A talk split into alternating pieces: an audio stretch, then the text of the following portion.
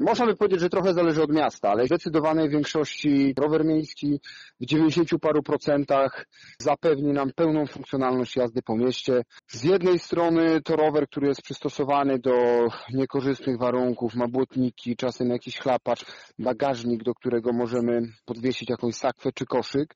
Ma światła oczywiście i często są one wyposażone w przerzutkę planetarną. Żadne błoto, żaden brud, nic się do środka nie dostaje.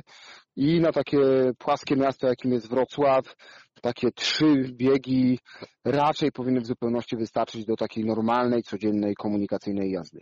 A co w takim razie z singlami? Bo rowery bezprzeszutkowe też mamy i niektórzy właśnie decydują się na e, takie egzemplarze. To też tak naprawdę się sprawdza. No, generalnie rower z przerzutką pozwala nam łatwiej wystartować, więc biorąc tak powiedzmy e, średnią statystyczną społeczną, czyli i osobę starszą, i młodszą, mniej wysportowaną, to te przerzutki troszeczkę pomagają, czyli startujemy trochę z lżejszej, potem przeskakujemy na cięższą i kiedy rower jest rozpędzony, mamy tą lepszą prędkość.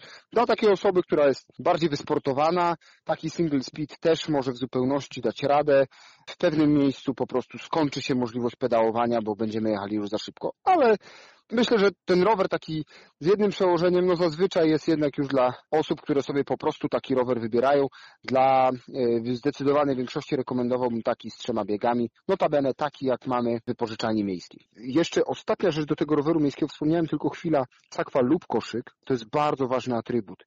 Jakąkolwiek, czy wieziemy torbę do pracy, czy pojechaliśmy na zakupy, czy wieziemy dziecko na przykład tym rowerem, rower miejski super jest do tego przystosowany, żeby takie, taką funkcjonalność nam zapewnić. A jeśli e, na dojazd do miasta decydujemy się spoza miasta, czyli z miejscowości, w których raz, że mamy mało ścieżek, a dwa, że musimy się jednak zmierzyć z większą liczbą samochodów, e, te przejażdżki są trudniejsze, często musimy pokonać jakąś e, niekoniecznie idealnie asfaltową drogę, to na jaki rower się wtedy zdecydować? Znaczy to do jazdy pomiędzy autami ten rower miejski też się będzie nadawał.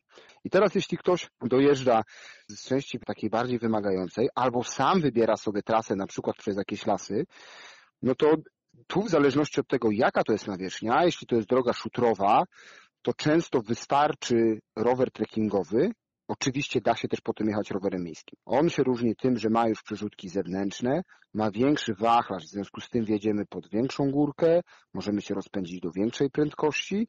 Podobnie jak rower miejski ma też butniki, ma też często oświetlenie. Jest to taki rower no, wielofunkcyjny, on nam posłuży na wycieczki po lasach, też nim spokojnie po takim mieście pojedziemy. Z kolei jeśli docieramy przez na, trochę na dziko, jedziemy jakimiś terenami, gdzie potencjalnie mogą wystąpić jakieś błota, bardziej luźna nawierzchnia, nie daj Bóg pieszczysta, no to wtedy uzasadnienie dopiero znajduje rower górski.